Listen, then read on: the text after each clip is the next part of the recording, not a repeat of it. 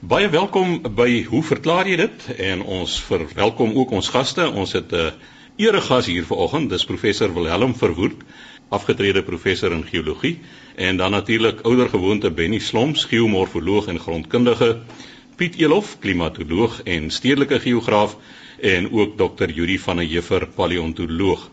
Nou Benny, ons gaan by jou begin en jy en professor Verwoerd gaan saamgesels en dit handel oor 'n meteorietkrater in Noordwes. Dankie Chris. Voordat ek by daardie vraag uitkom, net so kort terugvoer oor 'n vorige gesprek wat ons gehad het oor nate wat voorkom net noord van Carnarvon. Dit is Rian Rabe wat foto's geneem het van 'n vliegtyg en hierdie baie besonderse strukture van die lug uit waargeneem het. Nou ons het baie reaksie gekry op daardie praatjie.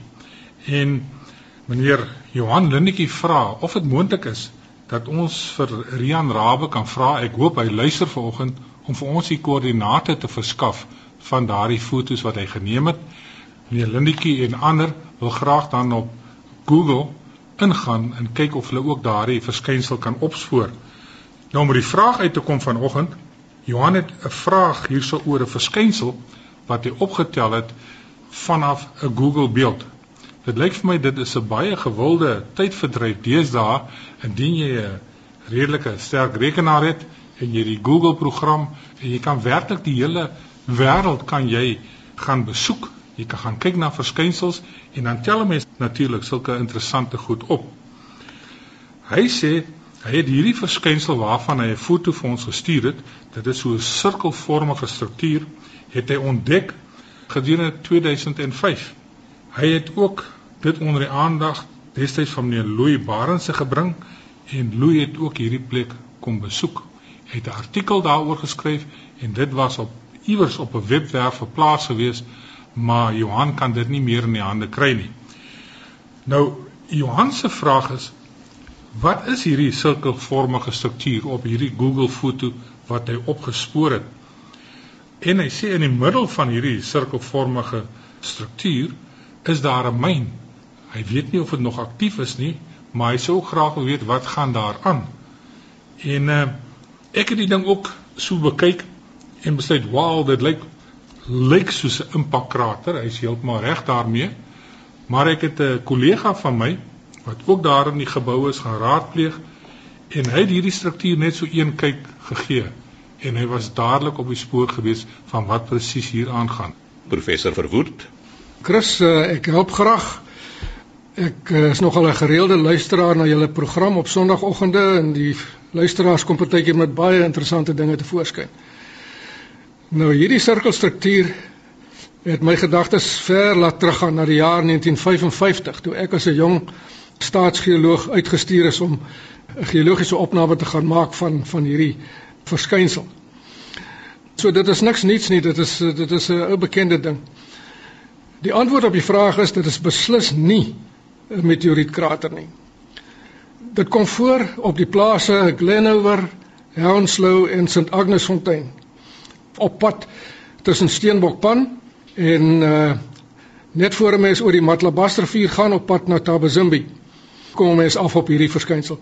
Maar dit is 'n plat wêreld. 'n Mens sien nie eintlik die sirkelstruktuur nie. Dit is uh, die eerste keer wat ek nou die satellietfoto sien en dit het my opgeval dat dit uh, eintlik 'n bietjie groter is as die uh, as die kring wat ek gekarteer het.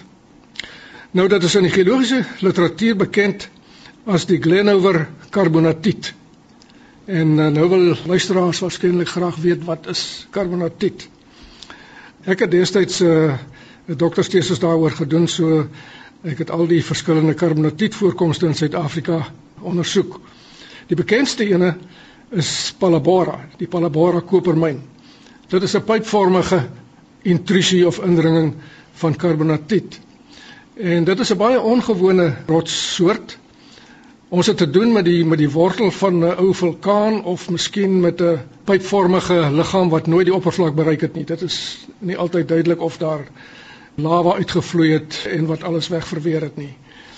Wat interessant is, is dat daar is in die hele wêreld net een aktiewe vulkaan van daardie tipe. Die enigste karbonatiet vulkaan in die hele wêreld wat vandag aktief is, is die berg Oldonyo Lengai in Tansanië, net dis kan die grens van Kenia, die sogenaamde heilige berg van die Masai. En uh, ek het 'n paar jaar gelede ook tot bo geklim en mens kon sien dat daar lava uitgevloei het. Van tyd tot tyd bars hy uit en strooi sy sy vulkaniese as oor die hele omgewing en dit is ook waar die soda of die natriumkarbonaat van die natronmeer vandaan kom in daardie selfe omgewing. Goed, terug na Glenower. Ek het reeds gesê dit laat my gedagtes ver teruggaan na die jaar 1955. Ek was pas getroud en my vrou en ek het op St Agnesfontein aangeland en vir die boer gesê ek het opdrag om hierdie omgewing te karteer. So ek wonder baie daar wat geword het van Jan Human en St Agnesfontein want dit is daarom nou al 50 jaar later. In die middel van die karbonatiet voorkoms is daar laat ek net dit sê die hele verskynsel is maar eintlik baie swak blootgestel. Dit is bedek met uh, grond en plante groei en wat 'n mens op die satellietfoto sien is eintlik verskille in plante groei. Die kringstruktuur is nie rotsmateriaal nie en daarom sien 'n mens dit nie want dit is baie plat wêreld. Maar in die middel is daar 'n koppietjie of was daar 'n koppietjie met uh, fosfaaterts. En tussen 1962 en 1983 is die fosfaaterts gemyn. Vanweë die hoë ysterinhoud was dit nie geskik om superfosfaat van te maak nie. En volgens my inligting is dit gebruik om uh, die element fosfor te vervaardig. Ek verneem dat daar in onlangse jare weer belangstelling was, maar dit was maar 'n betreklike klein afsettingkie en hy is die grootste deel uitgemyn. Maar die eh, karbonatietpyp self is weer geboor en geprospekteer in latere jare en blykbaar onlangs weer want daar kom ook apatiet voor, dit wil sê fosfaaterts in die omgewingsgesteente net 'n baie laer graad. Wat interessant is, professor, is dat hierdie ringvormige struktuur, soos ons dit sien op hierdie beelde, kom baie mense verwar het om te dink dit is 'n impakkrater, maar soos u gesê het, dis 'n plat wêreld, daar loop ook 'n pad dwars deur hierdie struktuur en dis bloot 'n vegetasie verskil wat hierdie vorm vir jou gee van hierdie sirkelvorm. En professor het ook aan my genoem dat uh jy kry hier kalkryke grond en suurgrond wat vir jou verskillende plante groei sal gee. Dalk is die sandafsettings ook dieper hierso, bietjie beter waterhou vermoë wat vir jou meer digter plante groei gee. Maar 'n impakkrater sal 'n duidelike afkromming hê en dan met 'n rand aan die buitekant wat nie hier die geval is nie al lyk dit so hier op hierdie foto. Ja, ek kan goed verstaan dat uh, mense dit oppervlakkig bekyk het en gedink het dit is 'n moontlike meteorietkrater.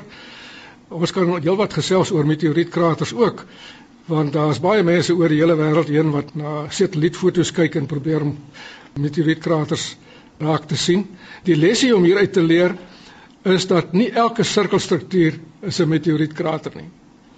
Daar's waarskynlik baie meer wat te wyte is aan iets wat van onder af opgekom het. Met ander woorde 'n pypvormige intrusie. Mens kan maar net dink aan die kimberlietpype, diamantdraande kimberlietpype wat ook soortgelyke verskynsels is. Maar daar's ander maniere waarop sirkelvormige strukture op die aardkors kan voorkom. Byvoorbeeld komvormige of koepelvormige strukture wat afgeïrodeer is. En uh daar was 'n tyd wat uh, geoloë maar baie skepties was oor die teorie dat daar 'n meteorietbotsing was selfs by Vredefort, die Vredefort meteorietkoepelvormige verskynsel daar wat vandag algemeen erken word as die grootste en waarskynlik een van die oudste impak verskynsels op aarde. Ons aanvaar dit vandag want daar is bewyse gevind. Maar oor baie jare het geoloë dit op 'n ander manier geïnterpreteer. En dit geld selfs vir die uh Swaying krater noord van Pretoria, vroeër bekend as die Pretoria se soutpan. Dis 'n baie kleiner enetjie en hy het nog die vorm van 'n krater. Hy's nog nie baie diep geërodeer nie. So daar het ons 'n ding wat waarskynlik baie net so sal lyk op 'n satellietfoto en wat werklik 'n meteorietkrater is. Maar die goed is skaars. Dit is nie so volop nie. En so gesels professor Wilhelm Verwoerd. Nou ons volgende vraag is gerig aan Yuri van der Ewer, maar ek wil julle net gou herinner aan iets wat professor Verwoerd net nou gesê het Hy het gesê die luisteraar stuur nogal baie interessante vrae. Hy het niks gesê van die antwoorde nie. Ons volgende vraag hierdie van die Juffrou is joune en dit handel oor die verwantskap tussen voëls en dinosourus. Ja, net 'n klein regstelling aan die begin. In 'n vorige program het ek gepraat oor die vulkaniese uitbarsting by Krakatoa en toe het ons 'n navraag ontvang van Yvonne, dit lyk my dis Yvonne Janneke, wat doodgevoon vra wie is die persoon wat die laaste verslag oor Krakatoa gegee het? So ja, Yvonne, dit was ek gewees. Ek weet nie hoekom jy dit wil weet nie, maar ek pleit skuldig. Dan het ek in my persoonlike hoedanigheid so 'n uh, blaadjie ontvang met 'n hele reeks anti-wetenskaplike stellings. Regtig waar belaglike stellings teen die wetenskap. Die persoon het toe versuim om sy of haar naam onderaan te teken. Dit het anoniem aangekom, so ek vrees ek kan nie daarop antwoord nie. Dit is maar direk vir die snippermandjie bestem. Dan het ons 'n brief gekry van Chris Skols wat skryf uit Australië, uit Sydney uit en Chris, hy komplimenteer jou op jou program. Hy sê baie dankie vir 'n vreeslike lekker program. Dis die hoogtepunt van my week hier in Sydney. Nou ek weet nie daar gaan seker nie veel in Sydney aan nie. en hy reken dat dit die verlang 'n bietjie makliker maak. Nou sy vraag is dat hy onlangs gehoor het dat Tyrannosaurus rex die direkte voorvader van die volstruis is. Nou wil hy weet is dit nie dalk wensdenkery nie om nou die mees bekende en vreesaanjaende dinosourier noodwendig te wil vergelyk met die grootste voël wat ons vandag ken. Hy sê hy het opgelees en hy het nou hierdie vrae daaroor en dan wil hy verder weet kan 'n mens nou sulke lyne na spesies toe deurtrek en hy sê dan kan jy nou 'n mossie terugtrek na Velociraptor toe of 'n tortelduif na die beroemde dinosourier wat die skim aanhou Stegosaurus en hy sê hy weet nie of sy voorbeelde reg is nie want net sekere dinosouriërs het voels geword maar is die beginsel geldig en dan wil hy nog 'n verdere vraag vra wat ek uh, later ook sal probeer behandel Nou ehm uh, Chris, dit is 'n interessante vraag en ek dink daar's 'n gedeeltelike oplossing oor hoekom 'n mens hierdie soort van leesstof in die hande kry. Nou die volstruis is natuurlik nou nie die direkte nageslag van Tyrannosaurus rex nie. En uh, die rede daarvoor is of liewer hoekom hierdie eksperimente gedoen is is dat volstruise is redelik primitiewe voëls en staan bekend as loopvoëls. As ons al die lewende voëls vandag nou as 'n groep beskou, dan is daar sekere wat meer primitief is as anders en die loopvoëls soos die volstruise en die apteryx en die goed en die ria is 'n uh, primitiewer voël. So as die beginsels van evolusie inderdaad waar is en 'n mens het nou byvoorbeeld soos in die geval DNA van 'n dinosourier wat toevallig Tyrannosaurus rex gewees het en jy sou dit vergelyk met die DNA van uh, moderne voëls, dan sal die primitiewe voëls die logiese voorbeelde wees om te gebruik. Maar daar is natuurlik nog ander aspekte hieraan verbonde. Nou onlangs was ek by 'n werkswinkel oor die wetenskap en journalistiek wat deur professor George Claassen gereël is en daar het 'n klomp joernaliste gesels oor hulle probleme hoe om die wetenskaplike bevindinge in die koerante te rapporteer. En daar het nogal interessante goed vorendag gekom. Ek wil eintlik net verder teruggaan nog eers en verwys na 'n uh, tydgenoot van uh, Prof Verwoerd hier op Stellenbosch en dis professor Johan Degenaar wat al jare in die filosofie departement gewees het en hy het een belangrike ding dink ek gesê wat 'n mens gedurig in hierdie soort sake moet in die oog hou en dit is dat as mens jou terme waaronder jy praat nie spesifiek definieer nie, dan kan daar maklik misverstande gebeur. Sodat wanneer ons praat oor afstamming en evolusie en die soort van goed, is dit nodig dat ons om dit nou so te stel by die reëls van die spel bly. Jy as 'n cricketkommentator weet dat daar sekere terme is wat jy in cricket gebruik. So jy kan nie as 'n ou uitgeboules rapporteer dat die skeieregter die fluitjie blaas en 'n skrim aankondig nie, want dis rugby reëls. Net so oor die wetenskap reëls waar volgens daar gespeel word om resultate te kry. Trouwens daar's heel wat boeke met die titel Die spel van die wetenskap en hoe jy volgens sy reëls handel.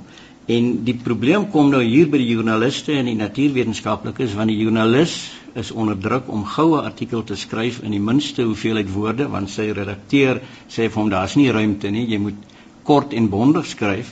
Die wetenskaplike wil graag ellelange verduidelikings gee oor alles van sy navorsing en hoe belangrik dit is. En dan tussen die twee val die pap dikwels op die grond. En dit is die probleem met populêre beriggewing, byvoorbeeld oor Tyrannosaurus rex en die volstruis, dat daar altyd sulke kort paaie gekies word. En ehm um, ons moet dus dit in ag hou en dan kyk wat werklik gebeur het. Nou, ons sien onsself byvoorbeeld nie as die direkte afstammelinge van bakterieë nie. Alhoewel ons nog gene dra van bakterieë, en ons weet dat daar 'n hele klomp evolusionêre gebeurtenisse tussenin gebeur het sodat ons vandag hier is bakterieë ook maar dat daar iewers 'n gemeenskaplike voorvader is. So as ons nou praat van voëls en dinosouriërs, dan kan 'n mens sê goed in die hele groep dinosouriërs want daar was baie van hulle, baie honderde verskillende spesies, hulle dwars oor die wêreld voorgekom op 'n sekere stadium behalwe nou net nie diep in die poolsirkels in nie. En uit een van hierdie menigvuldige vleisvreters wat bestaan het. Een van die klein vleisvretertjies, 'n voorbeeld byvoorbeeld so 'n ding met die naam van uh, Deinonychus, het daar sekere mutasies plaasgevind. Nou een van die goed wat gebeur het is dat die beentjies wat in die gewrig gesit het is deur 'n mutasie verander sodat die voorpote van Deinonychus nie net op en af bewegings kon maak nie, maar ook sulke terugvou bewegings kon maak soos uh, voelse vlerke en die pote kon vinnig na vorentoe uitskiet waarskynlik om prooi te gryp want dit was 'n klein vleisvretertjie en 'n ander mutasie het uh, veroorsaak dat in die klein dinosouriertjies en ons het in 'n vorige program al hierdie oor gepraat hoe kleiner jy is hoe groter is jou relatiewe buiteoppervlak en hoe maklik verloor jy hitte deur straling.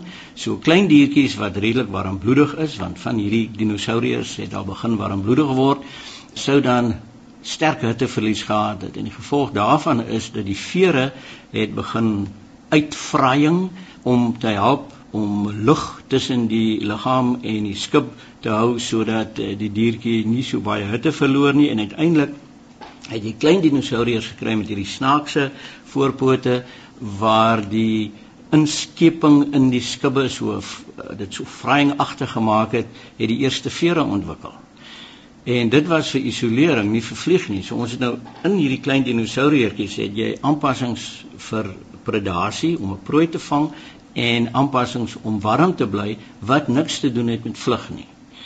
Hierdie spesifieke anatomiese kenmerke is aangegee vir iets soos Archaeopteryx wat ook nie die voorvaders nou van die voëls is nie, maar wat wel kon vlieg en spesifieke vere gehad het om tot 'n sekere mate te kan vlieg. Nou die een ding wat 'n mens nou hier moet sê is dat Archaeopteryx en Deinonychus het dit nou nie met voorbedagte rade gedoen om eendag te kan vlieg nie.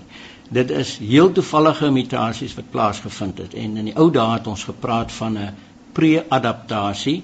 Die is nou vervang deur 'n nuwe woord, naamlik exaptasie iets wat op 'n gegeewe oomblik voordelig of selfs neutraal kan wees wat in veranderende omstandighede later dan baie voordelig kan word. En so is hierdie verskille nou aangegee totdat jy uiteindelik voels het en vandag gehad het en vandag is daar natuurlik nou baie baie fossiele van die hele reeks van voëls wat ontwikkel het van voëls met tande en bene gesterte tot by vandag se diere. So Chris wat ek eintlik hiermee probeer sê is dat ons nie die lyn moet trek van Tyrannosaurus rex na die volstruise toe nie. Daar's 'n hele klomp ontwikkelings tussenin en alhoewel ons kan sê dat voëls uit dinosouriërs ontwikkel het, het alle dinosouriërs nie in voëls ontwikkel nie. 'n Geliefde sê ding was in 1969 die mense het op die maan geland. Dit was eintlik net een mens wat die eerste keer daar afgeklim het. Nie alle mense het op die maan geland het. Dit is die implikasie, die tegnologie, die veranderings en die die navorsing wat daartoe gelei het dat een mens op die maan geland het. Net soos ons vandag sal 'n Italianer in Rome beskou wat miskien sit in bedel langs die straat en dink ja, jy is 'n afstammeling van 'n eens magtige Romeinse ryk of 'n gids in Egipte wat jou rondneem wat eintlik 'n afstammeling is van die faraos. Dus ek dink In die woorde van Johan Degenaar moet ons die ding ons argument so definieer dat ons met die woorde wat ons gebruik spesifieke goed sê en dus kan sê vandag dat voels uit dinosourus ontwikkel het, maar dit was een vertakkingkie, een stammetjie wat oor miljoene jare oorsprong gegee het aan 'n hele reeks lewende vorms om uiteindelik by voëls uit te kom. En so goed is die ooreenkoms dat daar wetenskaplikes is wat vandag sê dat dinosourus eintlik nie uitgesterf het nie, hulle leef voort as voëls. So ek het nou ongelukkig nie tyd Chris begin nou vir my kyk om die res van jou vrae te behandel nie, maar ek hoop om dit in 'n volgende program te hanteer. En so gesels Dr. Judi van Heever, ons paleontoloog, en Piet Elof, jy kom nou laaste aan die beurt en dit klink amper soos die titel van 'n gedig, Sirkel om die son. Dankie Chris, dit lyk my ons ontwikkel werklik nou in 'n reënboognasie. Ons het al een of twee programme gesels oor reënboë en onderste bo reënboë en dubbel reënboë, meertallige reënboë. Ek het hier 'n brief gekry van Frankie Venter af en hy sê hulle het in November 2010 vakansie by Sondela naby Bella Bella, dis die ou warmbad, hulle vakansie gehou en toe het hulle een oggend 'n groot sirkel reënboog om die son gesien. Hy het gesê dit is nogal moeilik om daarna te kyk en foto's te neem omdat mense omtrent in die son moes kyk. Hy het ook vir my twee foto's saamgestuur. Baie dankie daarvoor, Frankie. Dit is werklik uh, uitstekende foto's wat jy daar geneem het. Nou, luister aan die kring om die son. Ons sien ook van tyd tot tyd 'n kring om die maan. In Engels word daarna verwys as 'n halo. In Afrikaans sal ons kan praat van 'n ligkraans of 'n stralekraans of 'n kring of 'n sirkel of 'n aureool of die 22 grade sonkring. En ek kom later weer terug na hierdie benaming van die kring om die son. Nou die eerste vraag wat mense seker kan vra, hoe lyk dit vir iemand wat dit nog nie gesien het nie? Dis so 'n wit of dowwe silwer gekleurde ring om die son op die maan. Nou soms is die binnekant van die ring effens rooierig gekleur en aan die buitekant blou. Dit is seker die rede waarom party mense daarna verwys as 'n reënboog. As 'n mens nou kyk na die kleure en die posisie van daardie kleure, dan sien ons dis eintlik teenoorgestel van die gewone reënboog se kleur patroon. Die vraag ook hoe ontstaan so 'n kring om die son op die maan? Nou so 'n kring ontwikkel wanneer daar Sirius of Sirius Stratus wolke is. Luisteraars wat miskien gereeld die program volg, sal weet dat ons by 'n vorige geleentheid al die wolke geklassifiseer het. En die Sirius wolke of Sirius Stratus wolke het ons geklassifiseer as hoë wolke. Met ander woorde, hulle kom voor hoër as 6000 meter bokant die aardoppervlak. Nou die wolke bestaan hoofsaaklik uit yskristalle en hulle is heksagonaal, seskantig. En hierdie yskristalle buig die lig wat daar deurskyn. Ons praat ook van refraksie. En daai refraksiehoek is 22 grade. In ander woorde die waarnemer sien lig wat na hom gebuig word teen 'n hoek van 22 grade weg van die son of die maan. Van daardie naam die 22 grade kring of sonkring. Mens kan ook as jy so sonkring sien jou hand, jou arm reguit uitsteek, moet tog asseblief net nie in die son inkyk direk nie. Jou duim oor die son hou en jou vingers sprei dan sal jou pinkie baie naby aan die buiterand van daardie kring wees. Mens kan dit dalk probeer, moet net nie in die son direk in die son inkyk nie. Nou wat beteken hierdie kring? Omdat sirrostratus wolke dikwels die voorloper is van warmfronte, en dit het ons ook al by 'n geleentheid uh, gedeel met die luisteraars, dui dit op die moontlikheid van reën wat op daardie warm front volg. Dis egter nie waarborg met ander elke sonkring wat ons sien gaan nie noodwendig vir ons reën bring nie. Daar is natuurlik ook verskillende bygelowe dat so 'n kring om die maan of 'n kring om die son iets onheilspellends beteken. Ek wonder baie keer van ons ouer luisteraars wat miskien op hulle dae geluister het na Creedence Clearwater Revival. Hulle het 'n liedjie met die naam van Bad Moon Rising. Ek weet nie of hulle dalk na so 'n sonkring verwys het nie. Wat ek wel weet is dat daar 'n institusie op Stellenbosch is waar nuwelinge vroeg na hulle aankoms op Stellenbosch blootgestel is aan onheilspellende geluide. Dit is nou manne daardie tyd wat 'n jaar of 2 op die grens gedien het en nou vir die eerste keer Stellenbosch toe kom. op een spesifieke aand met hulle op aandag staan en hulle sig is ietwat belemmer deur materiaal, so hulle kon nie sien nie. En dan het mense stil, doodstil die kamer binne gestap en die houtvloere het gekraak en jy het bewus geraak van hier is 'n wese by jou. En dan het daar so 'n fyn stemmetjie met jou gepraat oor die bloed op die maan. Maar uh, ons sal nou nie verder uitbrei oor die res van die taal wat daar gebruik is nie. Ek wil egter net sê dat luisteraars wanneer jy so 'n sonkring sien, is baie belangrik dat jy nie nie eens vir 'n oomblik reguit direk in die son inkyk nie. Dit kan vir jou baie skade aan jou oë aanrig. So gesels Piet Elof, Piet, ek het nou regtig gehoop jy gaan net vir ons die eerste versie van Bad Moon Rising sing net om jou argument beter toe te lig, maar ons sal dit dan laat oorstaan vir die volgende program. Ons sê baie dankie aan ons gaste vanoggend, professor Wilhelm Verwoerd, afgetrede professor in geologie, Benny Slomps, geomorfoloog en grondkundige, Piet Elof, klimatoloog en stedelike geograaf en dan ook dokter Yuri van der Heever, paleontoloog.